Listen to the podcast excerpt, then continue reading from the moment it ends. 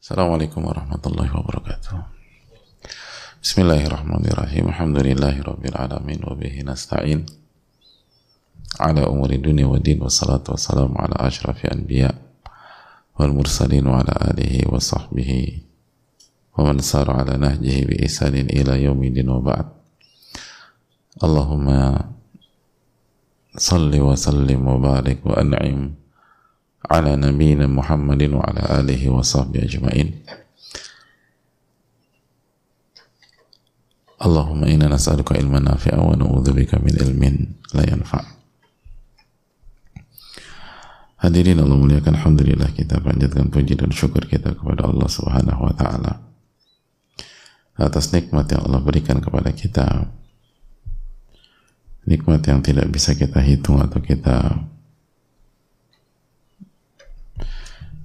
kalkulasikan wa in ta'uddu ni'matallahi la tuhsuha. Dan jika kalian ingin menghitung nikmat-nikmat Allah kalian nggak akan mampu bisa menghitungnya.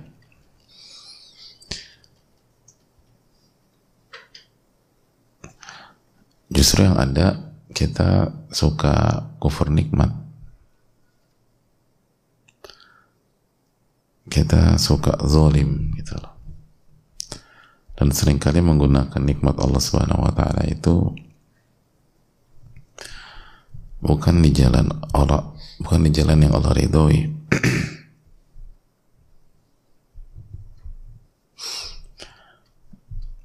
Jadi alih-alih kita uh, bersyukur ya dengan atau berhasil menghitung lah paling enggak kalau menghitung aja udah nggak berhasil ya gimana bersyukur?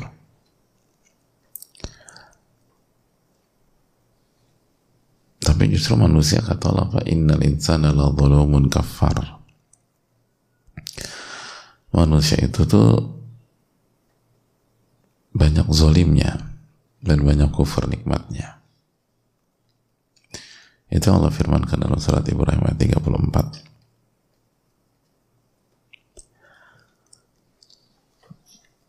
itu yang Allah firmankan setelah Allah, Allah menyampaikan wa in ta'udu ni'matallahi la tuhsuha.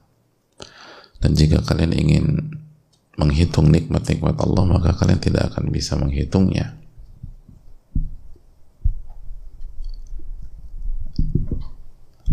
Nggak akan berhasil menghitung nikmat Allah itu. Saking banyaknya Lalu Allah tutup firmannya dengan Innal insana la zalumun kafar. Manusia itu memang zolimnya itu luar biasa berani melakukan maksiat tidak menunaikan hak Allah subhanahu wa ta'ala dengan maksimal lalu nggak bersyukur dan nggak mengakui bahkan. Bisa gue sukses tuh gara-gara kerja keras gue ada banyak orang lebih keras kerjanya daripada anda nggak sukses. Kecuali orang-orang yang dirahmati oleh Allah Subhanahu Wa Taala. Nah oleh karena itu hadirin Allah muliakan. Sekali lagi marilah uh, perbaiki diri kita sehingga kita bisa menjadi orang-orang yang bersyukur.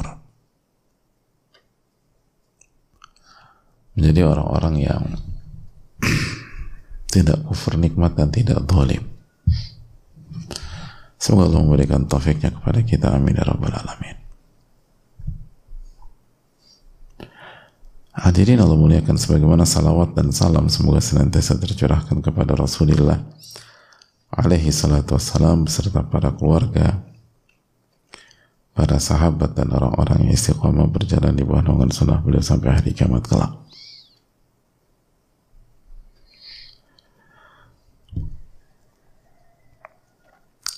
Yang pertama hadirin setelah kita bersyukur atau mengucapkan kalimat syukur kepada Allah dan bersalawat kepada Nabi SAW kembali kita mengingatkan bahwa kita masih berada di bulan Al-Muharram.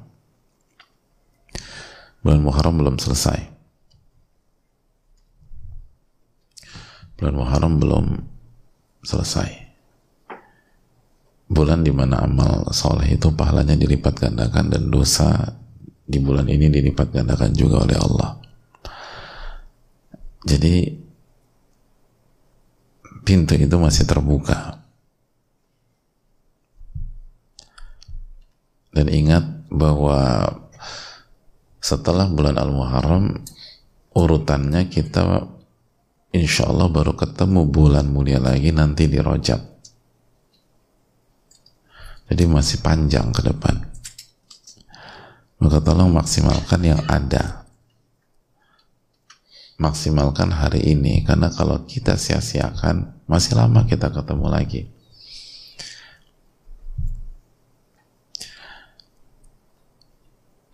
jadi kalau kita di bulan Muharram aja nurun kalau kita di bulan Al-Muharram aja uh, performanya nggak bagus padahal Allah sudah kasih uh, bonus Allah sudah kasih keutamaan yang nggak ada di bulan-bulan ke depan ya bagaimana nanti kalau di bulan normal gitu Anda dikasih bonus saja Anda nggak tertarik. Gimana dikasih kondisi normal? Oleh karena itu hadirin Allah muliakan maksimalkanlah hari-hari yang ada sebelum kita berpisah dengan bulan Al-Muharram lalu yang berikutnya sebagaimana biasa di hari Sabtu kita buka sesi diskusi Dan semoga Allah memberikan kita ilmu nafi. Allahumma inna nas'aluka ilman nafi'an wa na'udzubika min ilmin la yanfa. Assalamualaikum warahmatullahi wabarakatuh. Waalaikumsalam warahmatullahi wabarakatuh. Semoga Allah merahmati para ulama kita, Ustaz dan tim. Amin ya rabbal alamin. Bismillahirrahmanirrahim. Uh, ma maaf Ustadz izin bertanya Apakah jika disuruh orang tua perintah itu harus langsung dilaksanakan? Di sisi lain saya ingin menolong orang tua, tetapi di sisi lain juga ingin meroja hafalan. Apakah ada solusi Ustadz?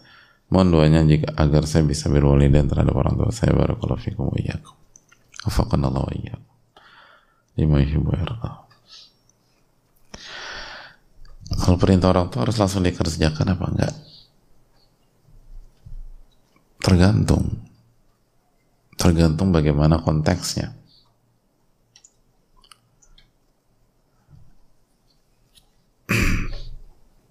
Kalau jelas-jelas perintahnya itu diberikan waktu yang luang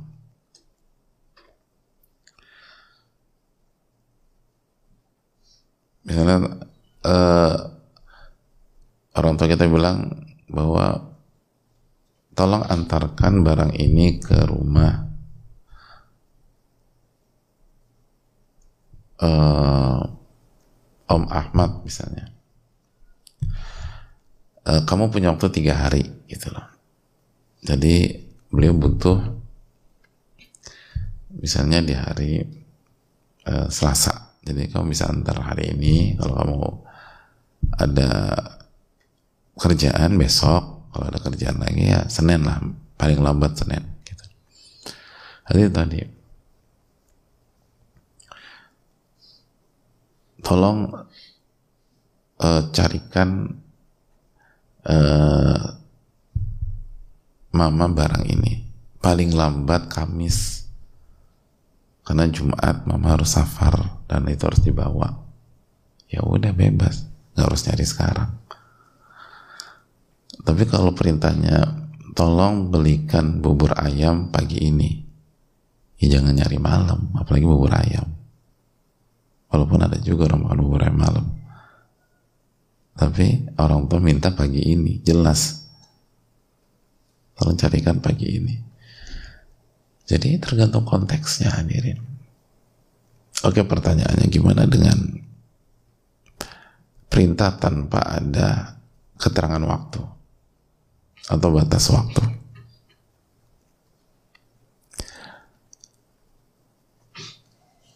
Harus segera apa enggak hadir?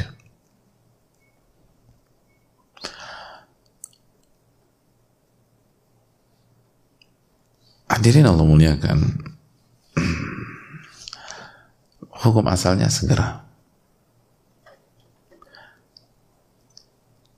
Ini dalam dalam konteks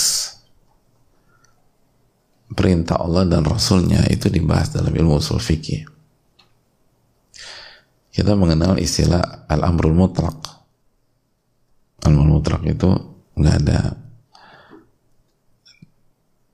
di antara karakternya tuh nggak ada keterangan waktu atau batas waktu. Nah, bagaimana kita menyikapi hal ini? Apakah lil atau litarahi? apakah harus segera dilaksanakan atau nggak harus segera dilaksanakan dan kesimpulannya dijelaskan banyak para ulama segera dilaksanakan.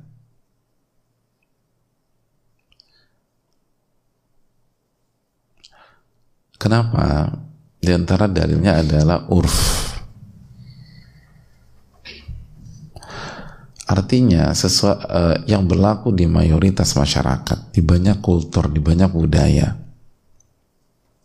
di kehidupan sehari-hari, kalau ada perintah tanpa ada batas waktu atau limit waktu atau keterangan waktu, maka hukum asalnya adalah segera dilaksanakan. Dan itu yang kita terapkan. Dan saya rasa juga diterapkan dalam kehidupan hadirin sekalian. kalau kalau habis kajian ini kita panggil kita punya bibi atau kita punya mbak di dapur terus kita bilang bi uh, tolong buatin nasi goreng dua porsi ya gitu loh. Telurnya dadar.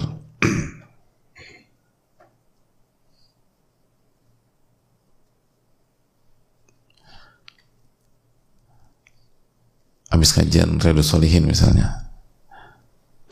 Sampai jam setengah sembilan bibi nggak nggak nggak apa nggak masakin nasi goreng. Kira-kira kita komplain apa enggak? Enggak ngerti nggak sih?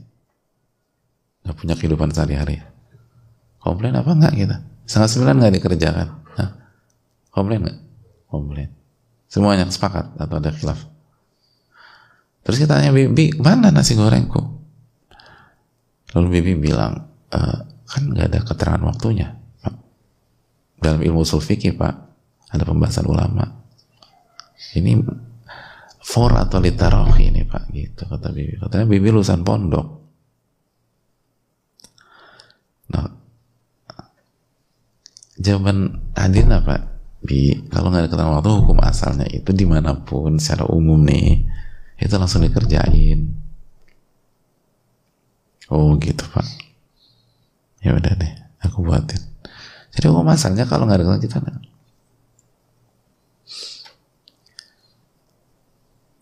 di kantor ya kantor. Kita punya staff kita punya sekretaris kita punya orang kita panggil eh, tolong ada ada stabilo nggak? Gitu. Ada bolpen merah. Tolong ambil bolpen merah dong. Itu jam 9 banda asar nggak muncul munculnya orang? Kira-kira kita komplain apa enggak komplain. Walaupun kita nggak sebutkan keterangan waktu. Karena yang berlaku di masyarakat perintah mutlak itu itu hukum asalnya segera dikerjakan. Jadi kembali ke ke poin ini jika orang tua memberikan perintah tanpa ada keterangan waktu. Kalau ada keterangan waktu ada limit waktu ya tergantung limit waktunya.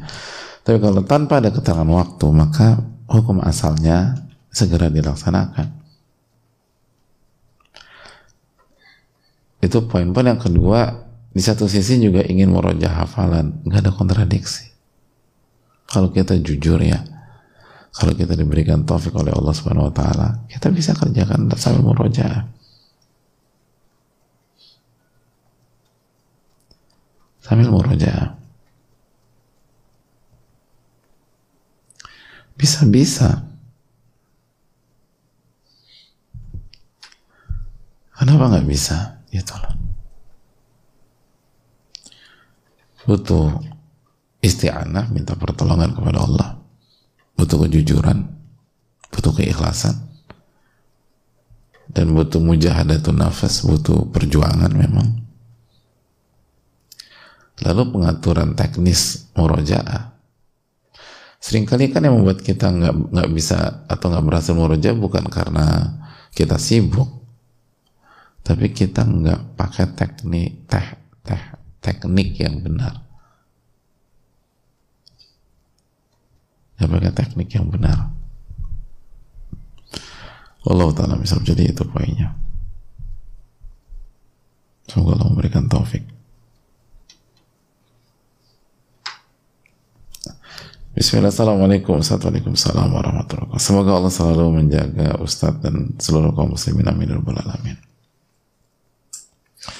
Ustadz apakah membiarkan anak untuk tidak sholat dibenarkan?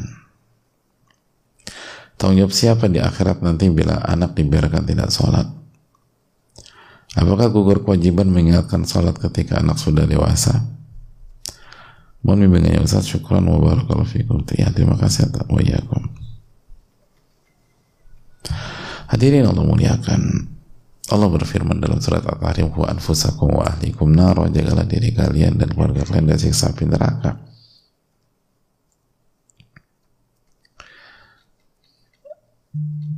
Lalu Nabi SAW bersabda, Kulukum ra'in wa kulukum mas'ulun al ra'iyatih. Setiap kalian adalah pemimpin dan kalian akan ditanya bertanggung jawab tentang orang yang kalian pimpin. Dan Allah dan Rasulnya tidak pernah menyebutkan batas waktunya sampai mereka balik.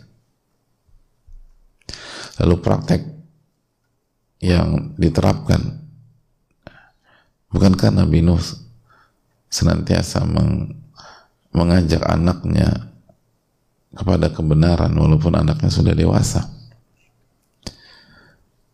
Bukankah Nabi Yakub pun demikian?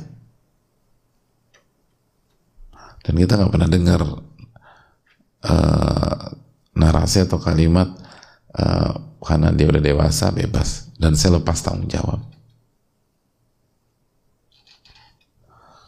Itu yang, yang kedua, mayoritas anak-anak yang tidak perform setelah dewasa itu karena nggak dididik ketika kecil. Karena secara umum anak itu adalah hasil didikan orang tua. Jadi secara umum saya nggak kata secara secara total atau secara mutlak. Secara umum kalau ada yang lepas tanggung jawab ketika balik itu bukan hanya salah dari satu sisi salah menentukan time limit tapi juga lepas tanggung jawab dan tidak bertanggung jawab atas kesalahan di masa lalu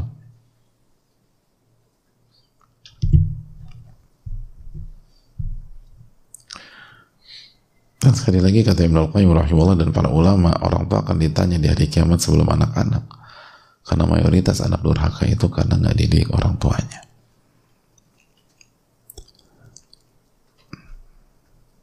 Menjadi orang tua nggak mudah. Dan sering kali kita hanya melihat dari satu sisi. Dan berusaha sekuat tenaga dan menggunakan seluruh ikhtiar yang bisa dilakukan untuk punya anak tapi begitu anak itu lahir, nggak bertanggung jawab, nggak dididik, nggak dibimbing. Dan bukankah itu akan ditanya oleh Allah SWT pada hari kiamat?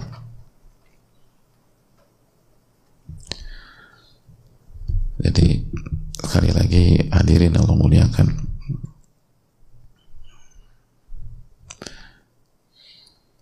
perintah uh, mendidik anak, mengingatkan anak, mengajak anak kebenaran itu bukan sampai anak itu balik, tapi sampai orang tua wafat. bukan kalau kita membaca surat Al-Baqarah dan kita membaca ayat ke-133 dari surat Al-Baqarah.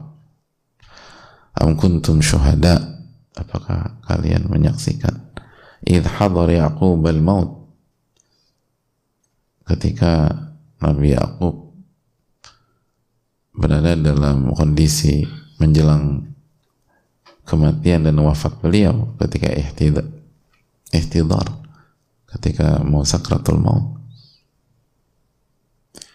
idh qala li banihi. Ingatlah ketika Nabi Yakub dalam kondisi mau meninggal dunia itu berbicara di hadapan anak-anaknya. Al-Baqarah 133 wa ta'buduna min ba'di. Apa yang akan kalian sembah dan apa yang akan kalian ibadahi? Atau apa yang akan siapa yang kalian sembah atau apa yang akan kalian sembah dan siapa yang akan kalian ibadahi setelah aku wafat. Masih masih fokus ke anak-anak lihat. Kalau aku wafat ini kalian masih mentauhidkan Allah enggak? Kalian masih sholat apa enggak? Kalian masih beribadah apa enggak?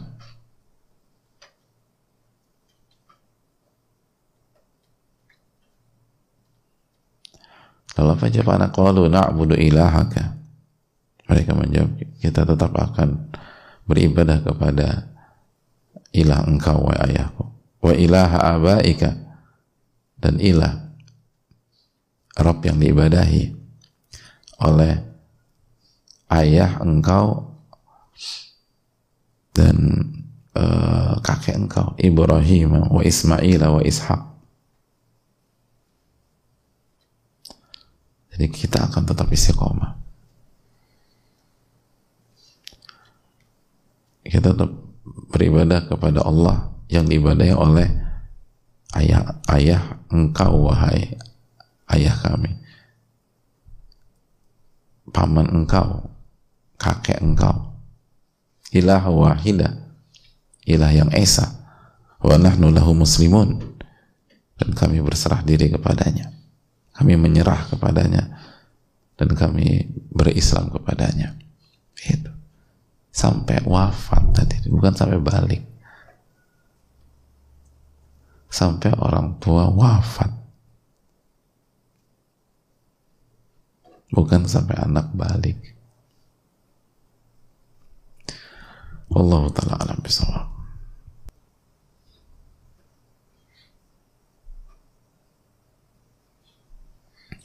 Assalamualaikum warahmatullahi wabarakatuh. Waalaikumsalam warahmatullahi wabarakatuh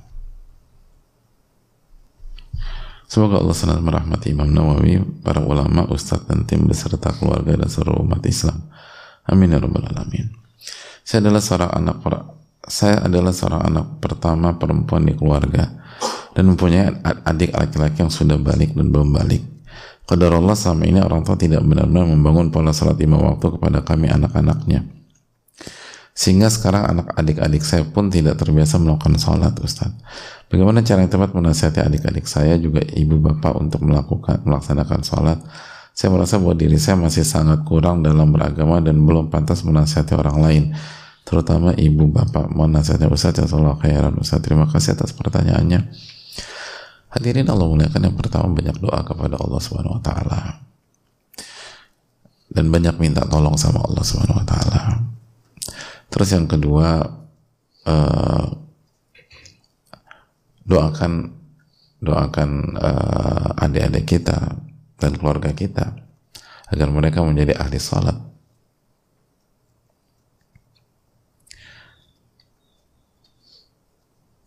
Dan agar agar agar mereka menjadi ahli salat. Terus yang berikutnya adik-adik butuh contoh, butuh keteladanan dari kakaknya. Maka jadilah teladan yang baik. Jadilah teladan yang baik. Dan khususnya dalam hal yang ingin kita perbaiki misalnya sholat. Jadi ya pastikan kita benar-benar jaga sholat kita. Dan disiplin terhadap sholat khususnya sholat lima waktu. Lalu yang berikutnya jadilah teladan dalam dalam uh, sisi-sisi yang lain. Dan jadilah kakak yang benar-benar uh, mengambil tanggung jawab sebagai kakak gitu loh. Kita harus jadi kakak yang sempurna tapi peran kakak khususnya yang Alhamdulillah. Ya saya jadi peran kakak yang uh, prinsip harus kita penuhi menjadi teladan menjadi uh, pihak yang bertanggung jawab yang mengarahkan, membimbing, uh, membantu penyelesaian masalah keluarga dan lain sebagainya. Insya Allah kalau kita jujur dan sikap dan attitude kita baik, maka Allah akan kasih taufik kepada keluarga kita. Allah Ta'ala bisawab. Allah Ta'ala bisawab. dan ditaklif adik kita itu artinya dibaik-baikin apalagi kita tahu ini bukan bukan kesalahan mutlak dia. Ini karena nggak dididik dari kecil.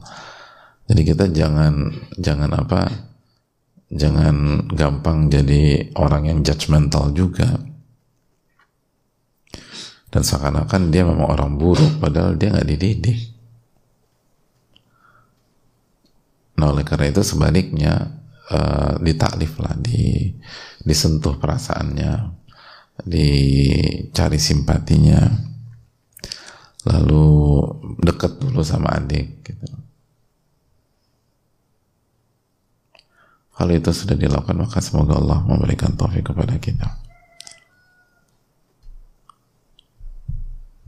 Allah Ta'ala bisa. Salam Assalamualaikum warahmatullahi wabarakatuh. Waalaikumsalam warahmatullahi wabarakatuh. Semoga Allah merahmati Imam Nawawi beserta keluarga beliau. Semoga Allah merahmati Ustadz, keluarga Ustadz, tim kajian, serta umat muslim pun berada. Amin ya rabbal alamin. Jazakallah khair atas segala kesabarannya yang telah memberikan kita ilmu na yang telah memberikan ilmu nafi kepada kita. Semoga Allah berikan kita ilmu nafi. Ustadz saya seorang wanita belum menikah. Ustadz akhir-akhir ini saya merasa saya sudah tidak punya tujuan hidup lagi saya menjalani hidup hanya sekedar dijalani saja tanpa ada goals apa pun yang ingin dicapai. Rasanya hidup saya hampa, seperti tidak ada motivasi apa-apa lagi.